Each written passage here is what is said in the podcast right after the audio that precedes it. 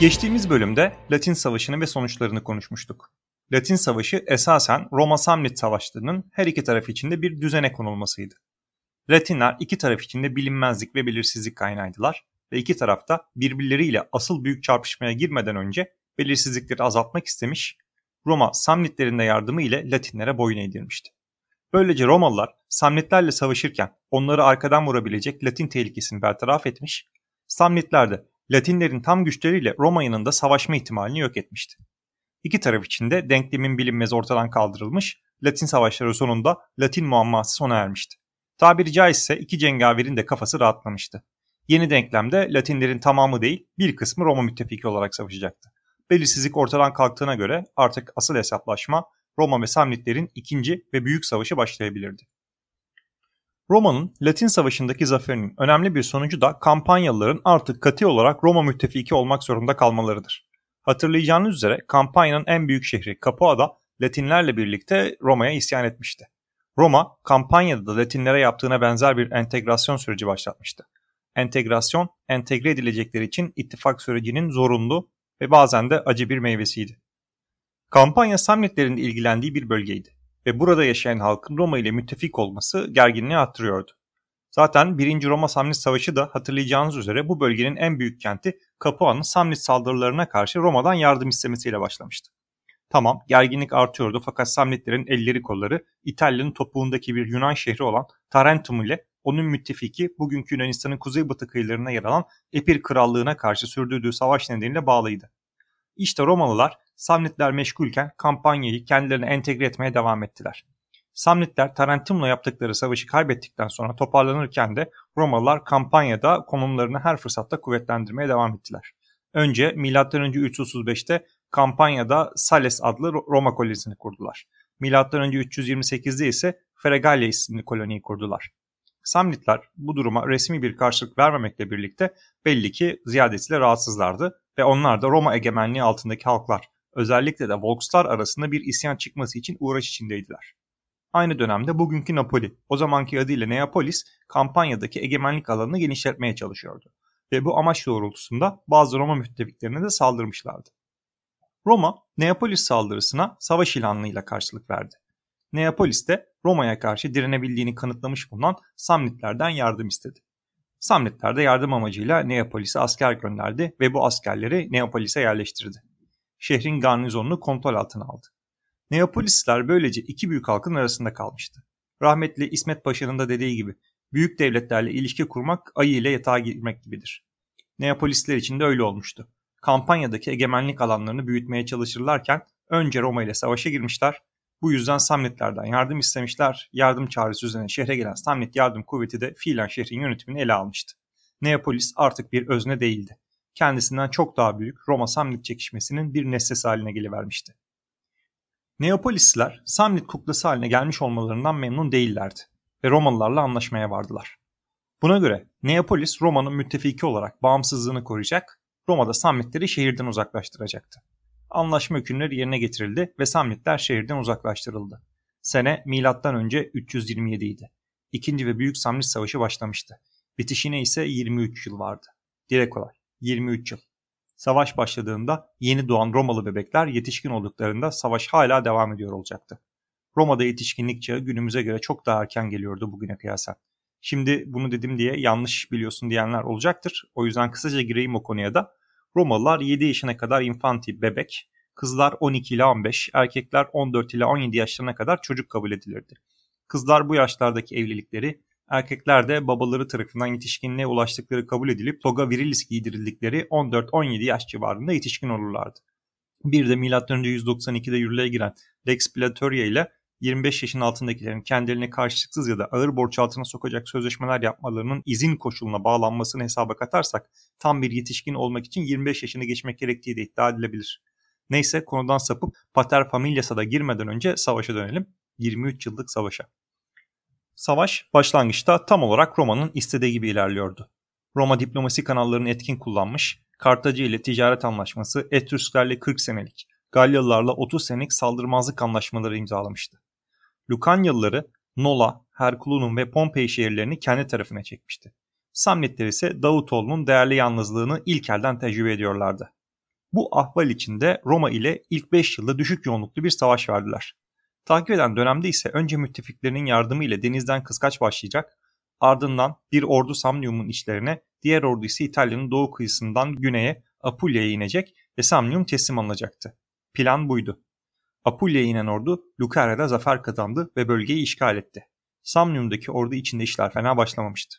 Savaşın bu ilk safhasında diktatör Lucius Papyrus Cursor ve yardımcısı yani Magister Equitum'u Quintus Fabius Maximus Rullianus arasında savaşın da gidişatını etkileyebilecek bir olay meydana geldi. Değinmeden geçemeyiz. Lucius Papyrus Cursor, konsül Lucius Furius Camillus'un orduları komuta edemeyecek derecede hasta düşmesi nedeniyle diktatör olarak atanmıştı. O da kendisine Magister Equitum olarak Quintus Fabius Maximus Rullianus'u belirlemişti. İkili lejyonların başında Samnium'a girmişlerdi. Diktatör sefere başlamadan evvel yapılan ayinlerin düzgün tamamlanmadığından endişeliydi ve ayinleri tekrarlatmak için Roma'ya dönmeye karar verdi. Romalıların dini kurallara ne derece önem verdiğini geçmiş bölümlerde birkaç kez konuşmuştuk. Diktatör Roma'ya dönerken Magister Equitum'a kesinlikle Samnitlerle çatışmaya girmemesi talimatı verdi. Diktatör Roma'dayken Magister Equitum'a sanki çevrede hiçbir Roma lejyonu yokmuş gibi rahat hareket eden bir Samnit ordusunun varlığı gözcüler tarafından bildirildi. Magister Equitum, Quintus Fabius Maximus Rullianus, diktatörün açık emre rağmen inisiyatif almaya karar verdi ve kolay bir av olarak gördüğü izlendiğinden habersiz Samnit ordusunu bozguna uğrattı. Kimi kaynaklar Samnitlerin kaybının 20 bin asker olduğunu söylese de bu sayının abartılı olma ihtimali çok yüksektir. Maximus Rullianus Samnitlerden ele geçirdiği askeri teçhizatı ve diğer yağmayı bir yığın haline getirip yaktırdı ve Samnitlere karşı kazandığı zaferin haberini senatoya gönderdi. Şimdi burada iki husus önemli. Birinci husus ele geçirilen ganimetin yakılması. Böylece eğer senato diktatör Lucius Papyrus Cursor'a bir zafer alayı bahşeder ise ele geçirilen ganimetler sergilenemeyecekti. Bu da zafer alayının gerçekleşmesi ihtimalini azaltıyordu. İkinci husus ise Magister Equitum Maximus Rullianus'un senatoya zaferi kendi kazandığı yönünde haber göndermesiydi. Tamam zaferi o kazanmıştı fakat ordunun komutanı olan diktatör Lucius Papyrus'un da gönderilen haberde esamesi dahi okunmuyordu. Ganimetler de imha edilmişti. Böylece üst komutan olarak zafer alayı şerefine nail olma ihtimali de zaferi kazanan yardımcısı tarafından neredeyse yok edilmişti. Magister Equitum Maximus Rullianus belli ki kendi kazandığı zaferin parçasını bizzat toplamak istiyor, diktatörle paylaşmak istemiyordu. Doğal olarak Lucius Papyrus bu durumu arkasından iş çevirmesi olarak gördü. Magister Equitum'un cezalandırılması için senatoya başvurdu. Fakat senato kazanılan zaferden oldukça memnundu. Genç ve başarılı Maximus Rullianus'a çok da ceza vermek istemiyordu. Lucius Papyrus ise bu yapılanın sonucundan bağımsız olarak diktatörlük makamına saygısızlık anlamına geldiğini, bu durumunda genel anlamda savaşın gidişatını ve hatta Roma'nın yönetimini olumsuz etkileyeceğini ileri sürüyordu senatoda. Haksız mıydı? Bence değildi. Roma tarihi boyunca böyle örneklere de sahipti. Daha birkaç yıl önce Latin Savaşı'nda konsül Turcatus emrini dinlemeyerek Latinlere saldırıp onların öncü kuvvetlerini yenen oğlunu emre itaatsizlik gerekçesiyle idam etmemiş miydi? Yine de senatodan istediğini alamayacağını anlayan Lucius Papyrus doğruca lejyonların başına geçmek ve senatonun vermediği cezayı bizzat uygulamak için Samnium'a doğru yola çıktı. Fakat senatonun habercileri daha hızlıydı ve Maximus Rullianus'a önden ulaşarak onu hem kutladılar hem de yaklaşmakta olan tehlikeyi haber verdiler. Maximus Rullianus önlem almanız ise Lucius Papyrus'un kendisini öldüreceğini anlamıştı. Askerlerini topladı ve onlara seslendi. Lucius Papyrus'un kendisini kıskandığını, onun yokluğunda Cumhuriyet için kazanılan zaferi hazmedemediğini, eğer elinde olsaydı tarihi değiştirip Samnitlerin kazanmasını sağlayacak kadar şahsi çıkarım düşündüğünü haykırdı. Diktatör Lucius Papyrus ise Liktollarıyla birlikte karargaha vardığında Maximus Rullianus'u yargılayacağını ilan etti bir bakıma suçun hem mağduru hem yargıcıydı. Yargılama Lucius Papyrus'un Maximus Rullianus'a yönelttiği suçlayıcı sorularla devam ediyordu. Sonuç belliydi. Askerler homurdanmaya başlamıştı. Yargılama sonunda Lucius Papyrus Maximus Rullianus'u ölüme mahkum etti. Askerlerin homurtusu yavaş yavaş yüksek sesli itirazlara dönüşüyordu. Subaylar diktatörün yanına gelip en azından infazı bir gün ertelemesini böylece sinirleri yetişince tekrar düşüneceğini salık vermek istediler. Fakat Lucius Papyrus onları da yanından kovdu. Ordu artık isyan etmek üzereydi. Ara bulucular gelip gidiyordu. En sonunda Maximus Rullianus ve babası Lucius Papyrus'un ayaklarına kapanıp özür dilediler. Ve böylece Maximus Rullianus affedildi. Yoksa muhtemelen ordu isyan edecekti ve sonrasında neler olabileceği belirsizdi. Ordu yine de muzaffer ve sevilen bir komutanına, kendi seçtiği yardımcısına, bu derece eziyet eden bir diktatörün komutası altında savaşmak istemiyordu. Torquatus gibi Papyrus'tan da nefret ediyordu sıradan asker. Diktatörün komutası altındaki ilk çarpışmada oldukça isteksizlerdi ve rakipleri Samnitlere bir türlü üstünlük sağlayamayıp geri çekildiler. Bu ordunun Lucius Papyrus'a mesajıydı. O da bu mesajı aldı. Askere çok daha iyi davranmaya, başarıları takdire başladı ve zamanla askerlerin sevgisini ve güvenini kazandı. Lucius Papyrus ilerleyen zamanlarda Roma tarihinin önemli komutan ve devlet adamlarından biri olacaktı. Savaş Roma için iyi gidiyordu. M.Ö. 322 senesine gelindiğinde Samnitler yorulmuştu ve barış teklif ettiler. Roma reddetti. Barış teklifinin ardından Roma nefessiz kalmış rakibinin nefesini iyice kesmek için Samnium'a cepheden girecek bir ordu gönderdi. Ordu konsüller Titus Veturius Calvinus ve Spurius Postumius Albinus Claudianus komutası altında düzgün bir keşif yapmaksızın kendinden emin bir şekilde ilerliyordu. Ele geçirilen tüm Samnit askerleri de Samnit ordusunun Lucarya'yı kuşattığını söylüyorlardı. Bu esasen bir yanıltmacaydı ve Romalılar birden çok kaynaktan aldıkları bu istihbaratı inanarak hızla Lucarya'ya doğru ilerlemeye başladılar. Kaidum geçitlerine geldiler. Burası dar bir girişi ve yine dar bir çıkışı olan bir vadiydi. Ordu düzgün bir keşif olmaksızın vadiye girerek ilerlemeye başladı. Fakat ilerledikçe vadi çıkışının Samnitler tarafından kapatıldığını fark ettiler. Vadi girişine geri döndüler. Burası da Samnitler tarafından kapatılmıştı. Roma konsüler ordusu bir vadi içinde pusuya düşmüştü. Vadinin girişi ve çıkışı etraftaki tepeler Samnit savaşçısı kaynıyordu. Konsüller vadi içindeki görece geniş bir alanda kamp kurmaya karar verdiler fakat artık Samnit ordusunun merhametine kalmış durumda oldukları açıktı. Bu sırada Samnitlerin komutanı Gaius Pontius da ne yapacağına karar veremiyordu. Bu sebeple tecrübeli bir Samnit devlet adamı olan babası Herennius Pontius'a mektupla ne yapması gerektiğini sordu. Babası cevaben tüm Roma ordusunu serbest bırakmasını yazdı. Gaius şaşırmıştı ve bu nedenle babasına tekrar bir mektup yazarak görüşlerini açıklamasını istedi. Babası bu sefer tüm Roma ordusunu kılıçtan geçirmesi gerektiğini söyledi. Gaius artık iyice şaşırmış halde babasına bir mektup daha yazdı ve yanına gelmesini istedi. Babası geldiğinde ona birbiriyle tam manasıyla zıt öneriler içeren iki mektubu sordu. Babası cevaben içinde bulunduğu durumun ya büyük bir cömertlik ya da büyük bir canilikle son bulması gerektiğini, eğer Romalıları serbest bırakırsa Roma'nın dostluğunu kazanacaklarını ve bu durumun iki halk arasında dostluk ve barış getireceğini, eğer Romalıları son askerine kadar kılıçtan geçirirse de Roma'nın en az bir nesil daha belini doğrultamayacağını, böylece Samnitler olarak rahatlayacaklarını, başka da bir seçeneğin olmadığını, yapacağı başka hiçbir seçimin ona ne dost kazandıracağını ne de düşmanı yok edeceğini belirtti. Fakat Gaius yine de ara bir formülde karar kıldı. Roma konsüler ordusunun tüm silahlarını aldı. Onları boyunduruk altında Roma'ya gönderdi. Konsüller işgal edilen tüm Samnit bölgelerinden çekilmeye, Sales ve Fregalia kolonilerini boşaltmaya, Lucarya'yı Samnitlere vermeye razı olup yemin ettiler. Samnitler de tüm savaş esirlerini Roma'ya geri vereceklerdi fakat Patrice ailelerinin çocuklarından oluşan 600 kişilik bir grup esir olarak Samnitlere teslim edilecekti. Ordu büyük bir utanç ve öfke içinde silahları alınmış ve boyunduruk altına Roma'ya geri dönüyordu.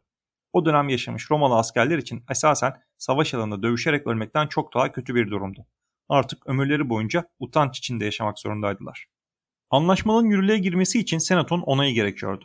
Konsüller Gaius Pontius'a karşı yeminleri altında senatoya gittiler ve anlaşmayı imzalamamalarını, hemen yeni bir ordu kurarak saldırmalarını, kendilerini Samnitlere teslim etmelerini senatodan rica ettiler.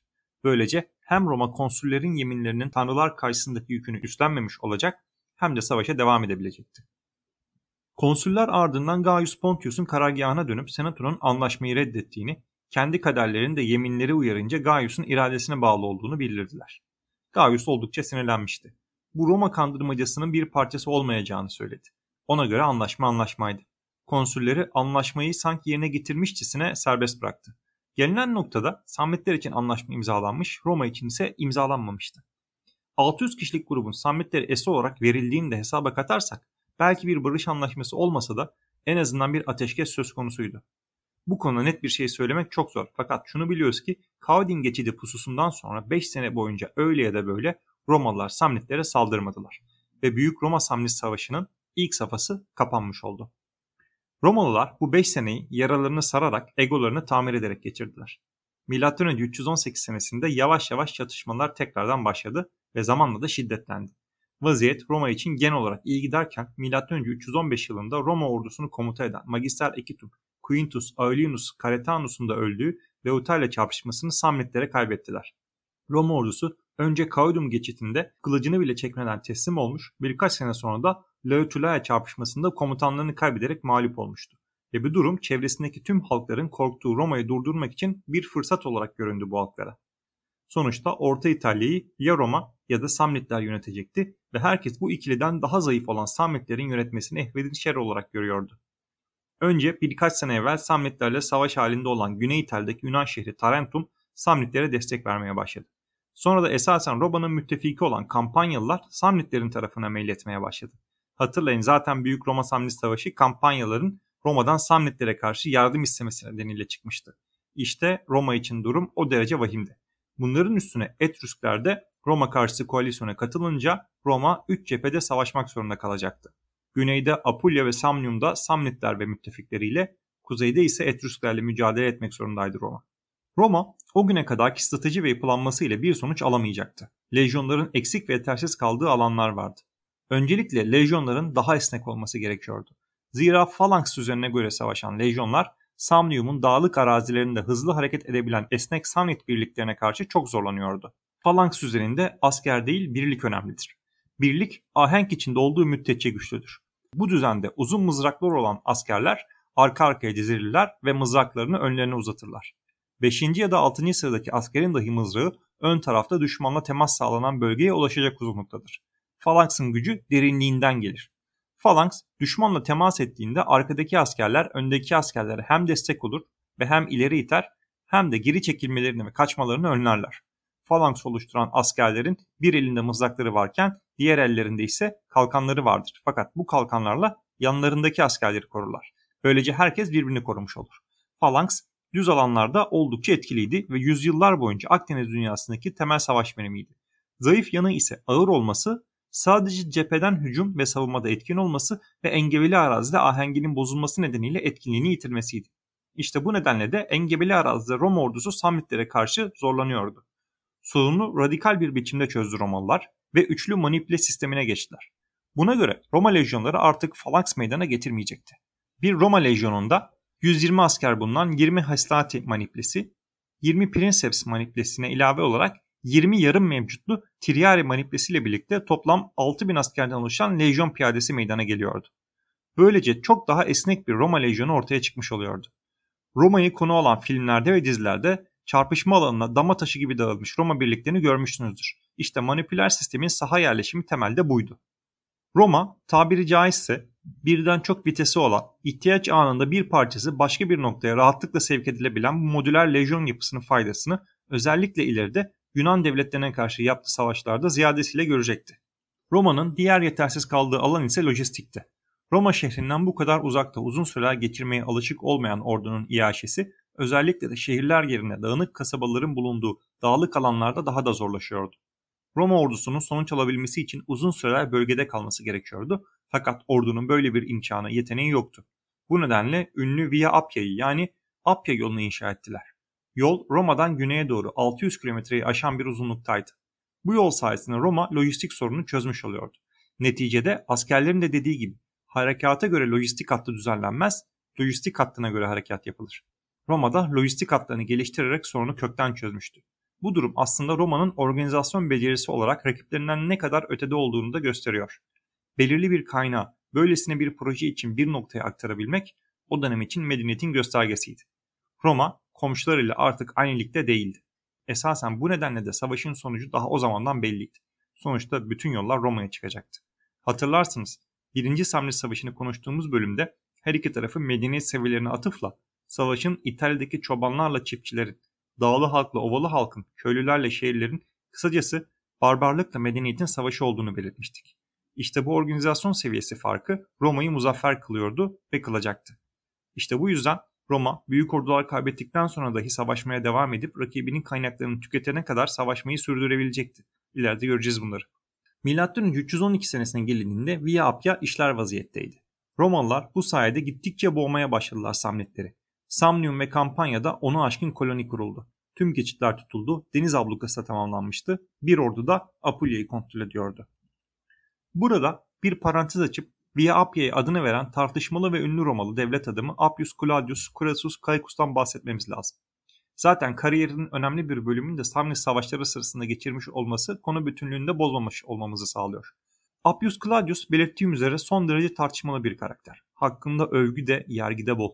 Devrimci mi? Evet. İş bitirici mi? Evet. Kurallara saygılı mı? Hayır. Adam kayırmacı mı? Evet. Bu şahıs 18 aylığına sensör seçiliyor ve o güne kadar görülmemiş bir biçimde senatörleri denetlemeye başlıyor. Birçok senatörün senatör olacak mal varlığını yitirdiğini ileri sürüp senatörlüklerini düşürüp yerlerine kendisine ve ailesine yakın senatörler atıyor. Centuryaları baştan düzenliyor ve oy verme hakkı olanların bloklarını değiştiriyor. Oy verme hakkı olmayan bazı grupları Centuryalar içine alarak oy verme hakkı tanıyor. Roma bütçesinin fakir Romalılar nehiline kullanılmasını sağlıyor. Yaptıkları Roma kurulu düzenini o kadar derinden sarsıyor ki 18 aylık görev süresi bitmeden sensörlükten ayrılması için diğer sensör istifa ediyor. Roma teamüllerine göre bir sensör istifa ederse, ölürse ya da başka bir sebepten dolayı makam boşalırsa görevdeki sensörün de istifa etmesi ve yeni sensörler seçilmesi gerekiyor. Appius Claudius'un ise diğer sensör istifa ettikten sonra istifa etmediği gibi 18 aylık görev süresi bittikten sonra da istifa etmiyor ve 5 yıl boyunca sensör makamında oturuyor. Bu süre zarfında Via Appia yani Appia yolunu ve yine kendi adıyla anılan Roma'nın ilk su kemeri Aqua Appia'yı yani Appia su kemerini inşa ediyor. Karımca bütün bunlardan daha önemlisi Roma'nın 6. kralı Servius Tullius zamanından kalma halkın toprak sahibi yerleşikler arasında servet esasına göre sınıflara bölünmesi uygulamasını kökten değiştirmesi. Roma gerek tüccarın, esnafın, zanatkarın geliştiği bir şehir olarak artık bunların kayda değer fakat toprağa dayalı olmayan servetlere sahip olduğu bir şehir haline gelmişti.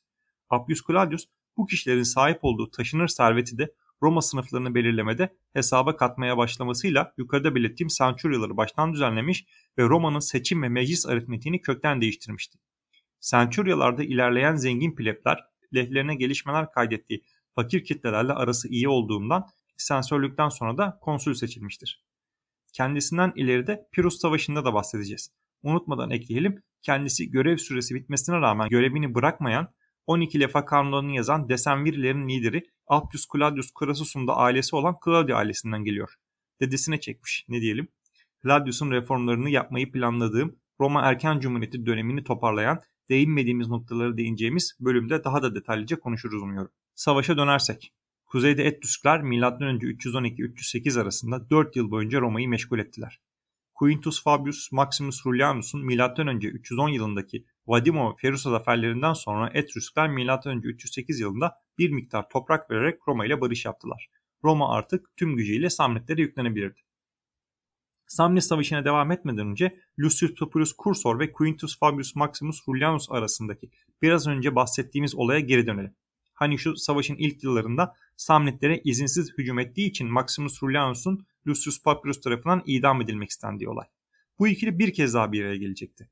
Fabius Maximus M.Ö. 310 senesinde konsül seçilmişti. Ordu ile birlikte Etrusklere karşı kuzeydeki operasyonları yönetiyordu. Roma M.Ö. 312-308 yılları arasında bir konsülün kuzeyde Etrusklere karşı, diğerini güneyde Samnitlere karşı göndermek zorundaydı. Fabius Maximus kuzeyde Etrusklere karşı operasyonu yürütürken uzunca bir süreliğine Roma ile bağlantısı kesildi.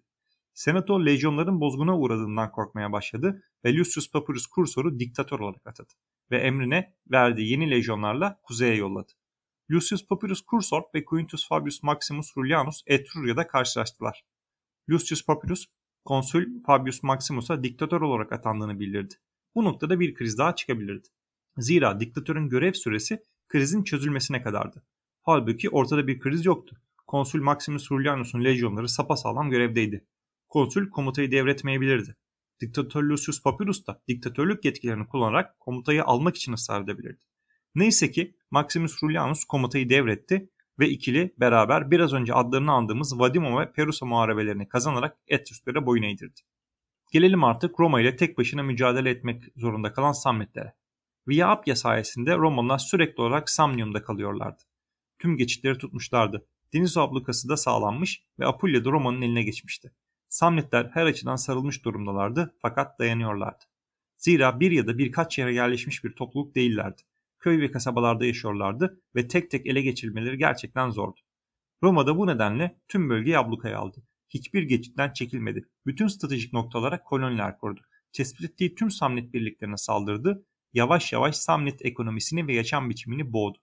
M.Ö. 304 senesinde Artık Samnitlerin dayanacak gücü kalmamıştı. Barış istediler. Roma kabul etti. Barış'a göre Roma savaş boyunca işgal ettiği toprakları ve kurduğu kolonileri elinde tutacaktı. Samnitler ise bağımsızlıklarını koruyorlardı. Fakat artık her noktadan sarılmış haldelerdi. 23 yıllık savaşın sonunda Roma artık tüm İtalya'daki dominant güçtü. Kuzeyde Etrüskleri sindirmişti. Güneyde Samnitleri boğuyordu. Daha zayıf halklar ise artık bükülmeyen bileği öpme yarışındalardı. Roma için işler yavaş yavaş İtalya yarımadası dışına çıkmaya başlayacaktı yakında. Fakat Samnitler de henüz tamamen pes etmemişti. Son atımlık mermilerini de atmadan önce pes etmeyeceklerdi. Önümüzdeki bölüm 3. Samnit Savaşı'nı konuşacağız. Görüşmek üzere.